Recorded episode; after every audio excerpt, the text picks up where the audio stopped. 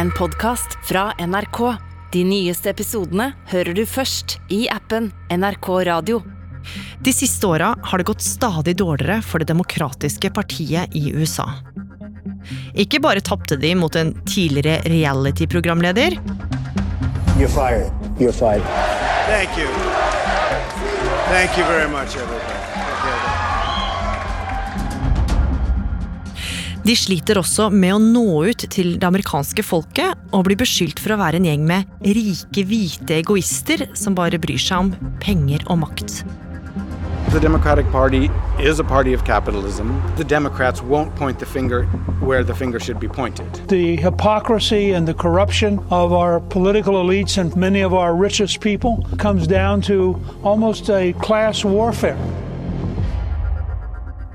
Hva er det demokratene gjør som har gjort dem så forhatte?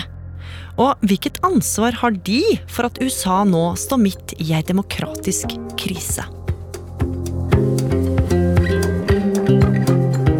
Du hører på Oppdatert. Jeg heter Gry Veiby. Her får du episode to av serien Den amerikanske stormen med korrespondent Tove Bjørgaas og journalist Camilla Bergland. Sjekk den skyskraperen. Ser ut som sånn derre Sånn duvet skyskraper med veldig mye fancy greier på. Der er Google. Det er tett mellom Teslaene. Mye penger, altså. Mye penger. Camilla og jeg er i Texas. Hovedstaden her heter Austin og er en av de hippeste byene i USA akkurat nå. Denne byen er blitt en slags ny tech-hovedstad og en magnet for unge folk. Tesla har flyttet hovedkvarteret sitt hit, og Apple, Google og Facebook har store kontorer her. Nå er vi på vei inn på et konferansesenter med en fancy takterrasse. Litt sånn som Operataket i Oslo, egentlig. Her har man utsikt over Colorado-elva og de glinsende skyskraperne på den andre siden. Yeah, we're media. How are you? Good. Det er mange hundre unge mennesker her. Egen cocktailbar og litt sånn rockekonsertstemning. Okay, come on. Oh, you have a bar in wow. Cocktailbar, du. Det kan virke som vi er på et helt vanlig utested. Men nei, dette er det demokratene som har stelt i stand. Så kommer han folk har ventet på på scenen. Også han vi er her for å snakke med. All right, Austin, how are we doing? Mannen som noen håper kan redde demokratenes framtid.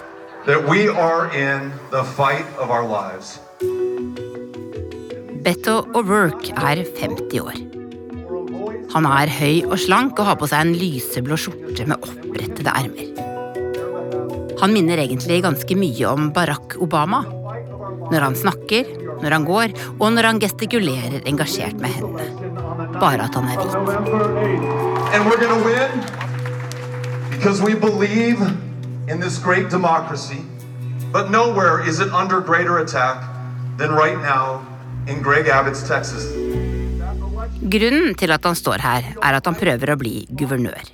Altså øverste leder i Texas. Det er 28 år siden sist en demokrat hadde den jobben. Beto har tidligere prøvd å bli både senator fra Texas og demokratenes presidentkandidat. Men han ble slått av nesten 80 år gamle Joe Biden. And so lucky to be the generation that actually has the opportunity to fight for and win this democracy at its moment of greatest peril. And that's what we're going to do. Nå lurer noen på om en sånn som Beto kan redde Det demokratiske partiet. President Biden sliter med populariteten, ikke minst blant folk med lavere utdanning. Beto derimot er litt mer progressiv enn de gamlingene som leder partiet nå. Han sier han vil hjelpe de fattige, gjøre det billigere å studere og vanskeligere å kjøpe våpen. The NRA, the gun lobby, or any position of public trust or power held by Greg Abbott or anybody else right now.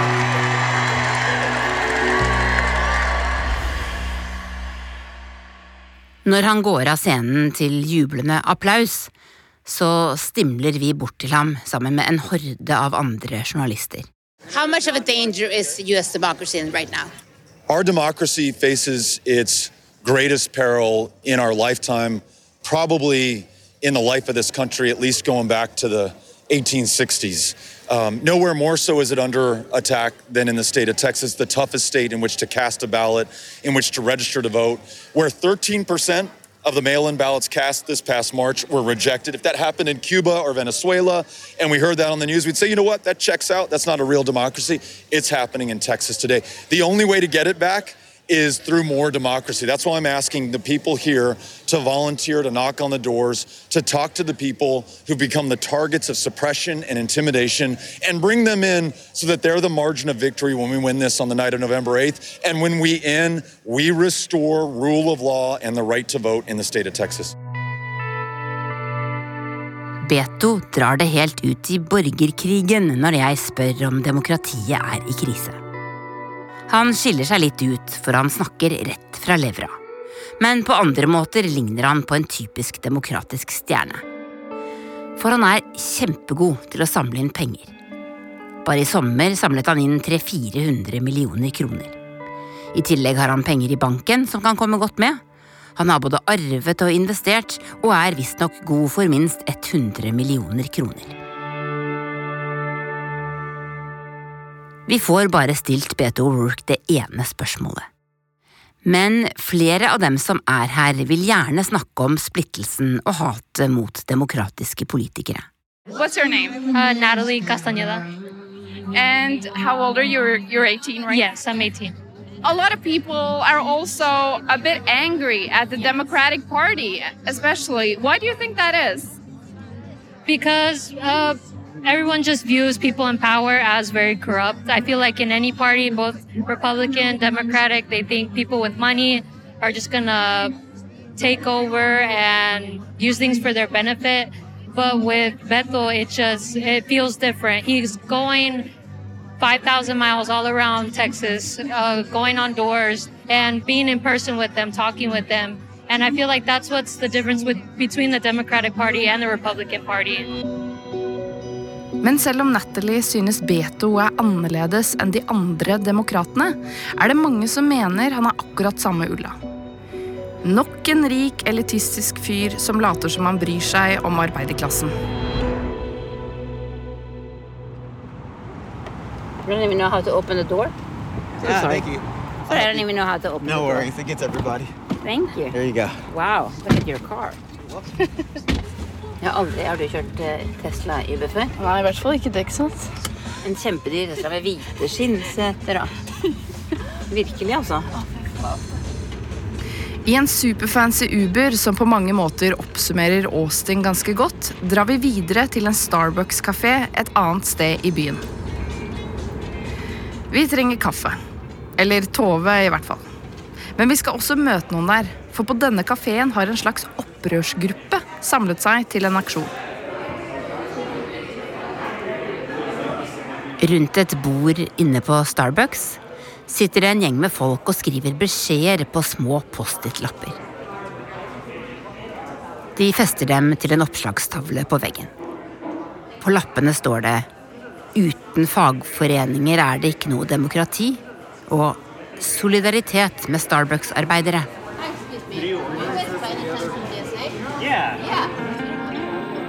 Det er folk i organisasjonen Democratic Socialists of America som aksjonerer. Kanskje du har hørt om Alexandria Ocasio-Cortez, som sitter i Kongressen i Washington?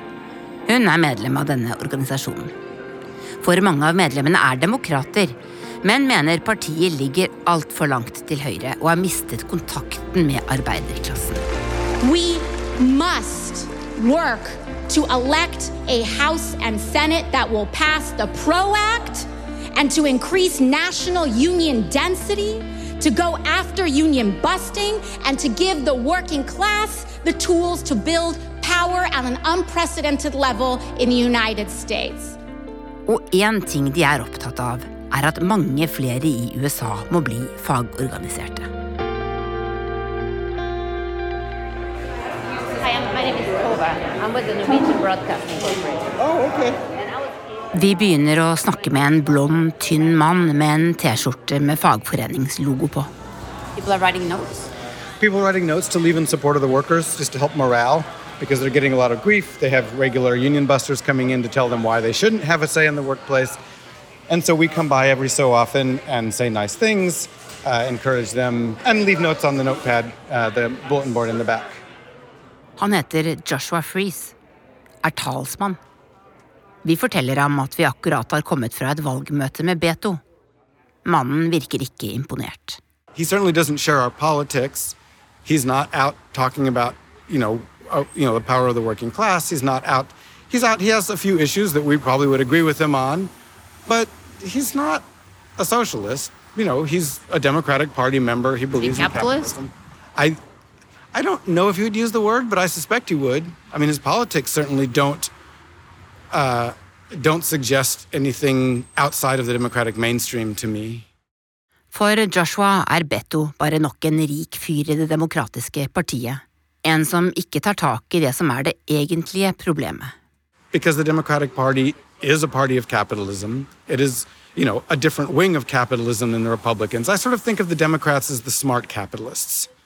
I think they, if they want to succeed and stop this hemorrhaging of members into the Republican Party from what has generally been seen as a, you know, their base. They see the working class as a segment of American society that belongs to them. They have to leave their elitist positions behind. They have to quit saying, referring to poor people as deplorables. That's not going to win any friends. Deplorables. De forkastelige. Her refererer Joshua til noe Hillary Clinton sa i valgkampen mot Donald Trump. We are living in a volatile political environment. You know, to just be grossly generalistic, you could put half of Trump's supporters into what I call the basket of deplorables. Hun sa at halvparten av Trumps tilhengere var forkastelige mennesker, mens tilhørerne lo. Joshua mener at å snakke nedlatende om folk på denne måten, velgere som stort sett tilhører arbeiderklassen, viser at demokratene ikke forstår hvordan arbeiderklassen i USA egentlig har det, og heller ikke gjør nok for å hjelpe dem. The Democrats come along and they say, we're for all this stuff and we're going to help you economically. And they don't do either of those things. I think there's a lot of angry people and you know and they're being riled up by politicians who feel you know that they have to use that you know to keep their right-wing party in power. I don't think the republicans would be where they are right now if they hadn't been able to take advantage of, of this anger. And they've harnessed it in a way the democrats have not been able to because the democrats won't point the finger where the finger should be pointed. And where's that? they won't point them at the wealthy and at the property owners because that's who pays the democratic party bills Vi forlater Starbucks og drar ut av byen. Ut av rike Austin og mot lutfattige Arkansas, Bill Clintons hjemstat.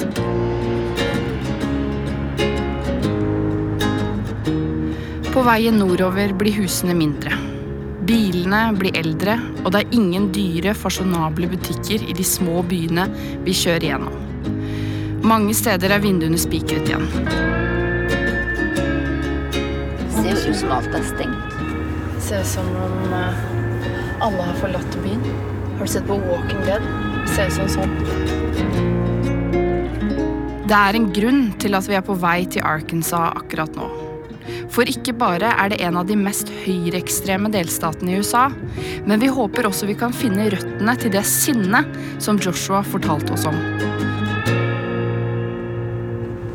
Stopp. Jeg går og hører. Det er i ferd med å bli mørkt når vi stopper bilen for å ta noen bilder av de gjenspikrede, forfalne husene i en liten bydel.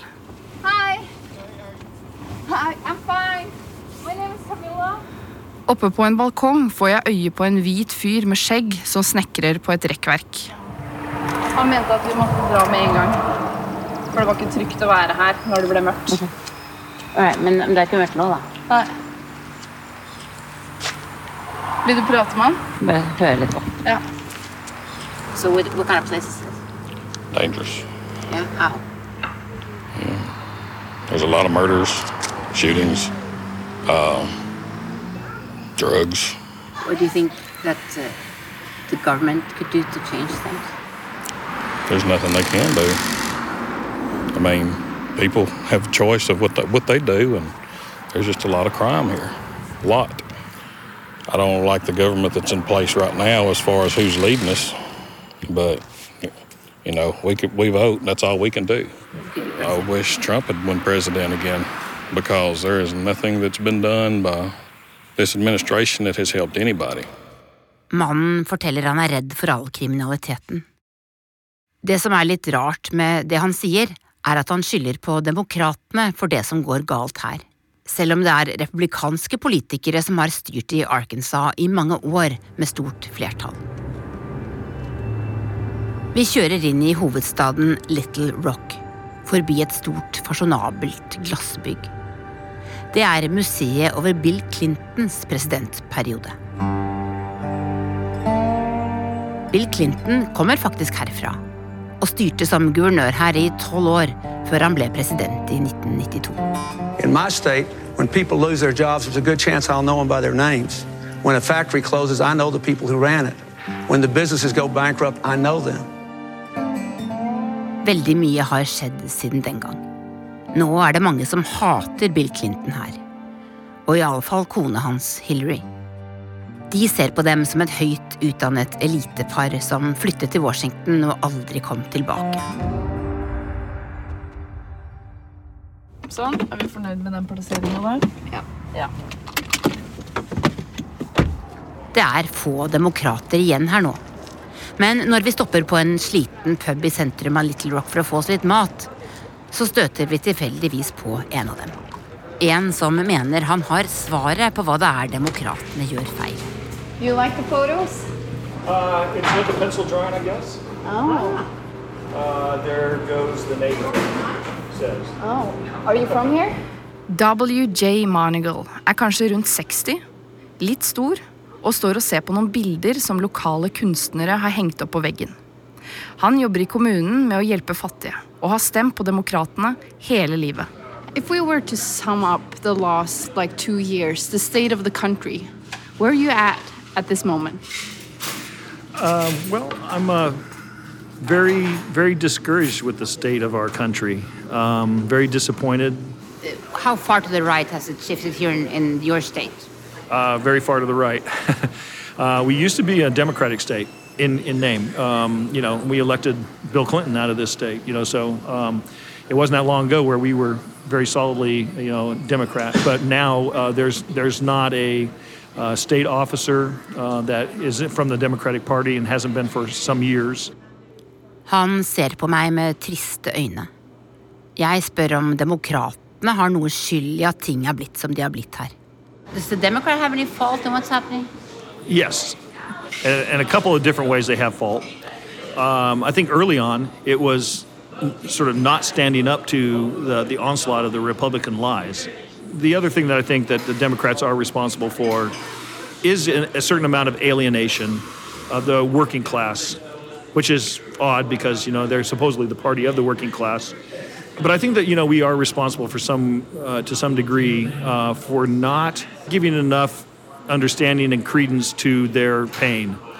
Bill Clinton said, "I feel your pain," and he was able to, you know, sort of capture enough of their support that they believed that you know he could. But I think Hillary Clinton, Obama, and Biden have not been able to uh, reproduce, you know, that, that sort of sincerity that they hear these people and what they're saying. And I think that's exactly where Trump was able to take advantage of that. Igjen får vi høre det. Trump utnytter folks sinne.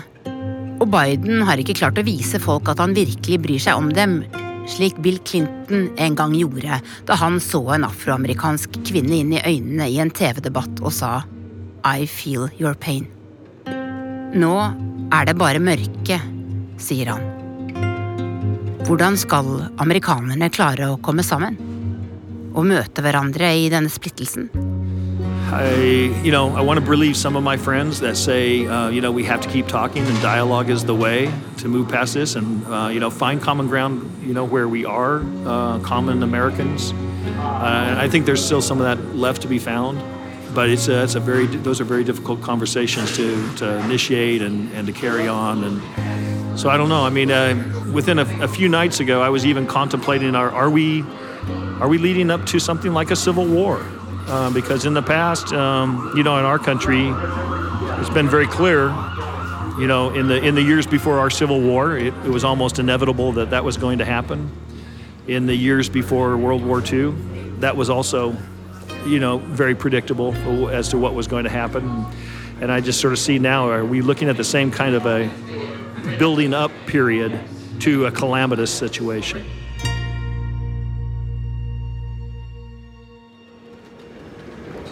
Excuse me, sir? Uh, Sorry. Get to the house floor from here, where do I have to go? Take the elevator up to the third floor. Okay, thank you. Camilla og jeg trenger svar. Derfor har vi reist til Washington og kongressbygningen for å forsøke å få snakke med ledelsen i Det demokratiske partiet om hva de tenker om hva vi har hørt.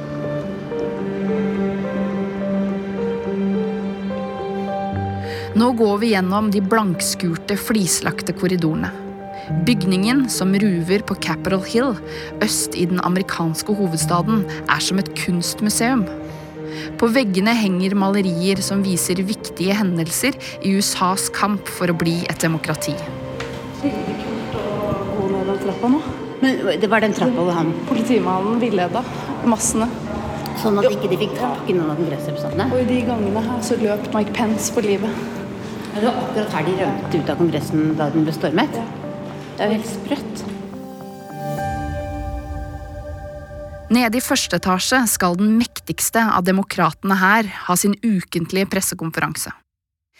Nancy Pelosi er leder i Representantenes hus, og mange mener hun er en del av problemet til partiet, for hun er 82 år gammel. Og i november stiller hun for nok en periode. Hun har på seg lilla buksedress og lilla pumps når hun kommer hastende inn på pressesenteret, der et tredvetalls journalister sitter og venter. Morning, everyone. I just came from the Supreme Court. Jeg tenker vi må spørre henne om partiet gjør nok for å utjevne forskjellene på folk i USA. De som gjør at mange i arbeiderklassen har gått til den andre siden, mens demokratene er blitt et slags eliteparti. Det er ikke så lett å komme til på sånne pressekonferanser. Men jeg kaster meg på når hun tar noen spørsmål. Yes, ma'am. Are you doing enough to address inequality in American society? And also, are you running enough progressive candidates, do you think, in these midterms?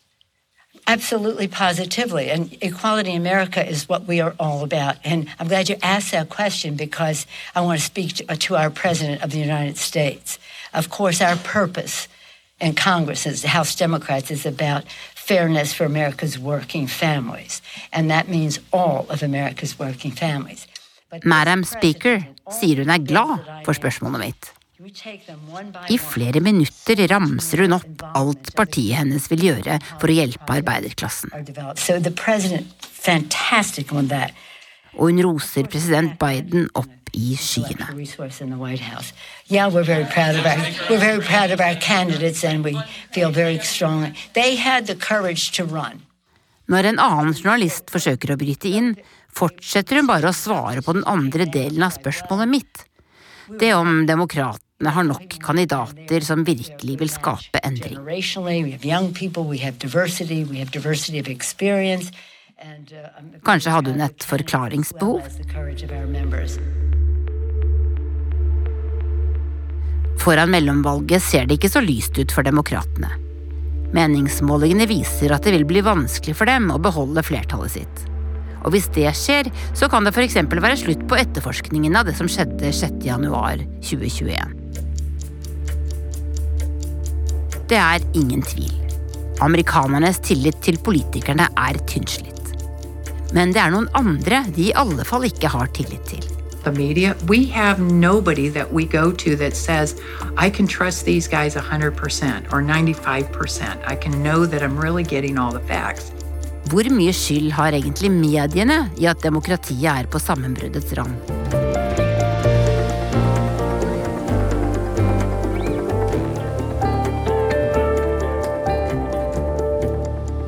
Du har hørt andre episode av Den amerikanske stormen, en podkastserie fra NRK Urix. Denne serien er laget av Ina Swann. Camilla Bergland. Og meg, Tove Bjørgaas. Lyddesigner er Pål Gauslå Sivertsen. Og redaktør er Sigurd Falkenberg Mikkelsen. Du har hørt episode to av serien Den amerikanske stormen. Vil du høre alle de fire episodene, så finner du dem i NRK radioappen.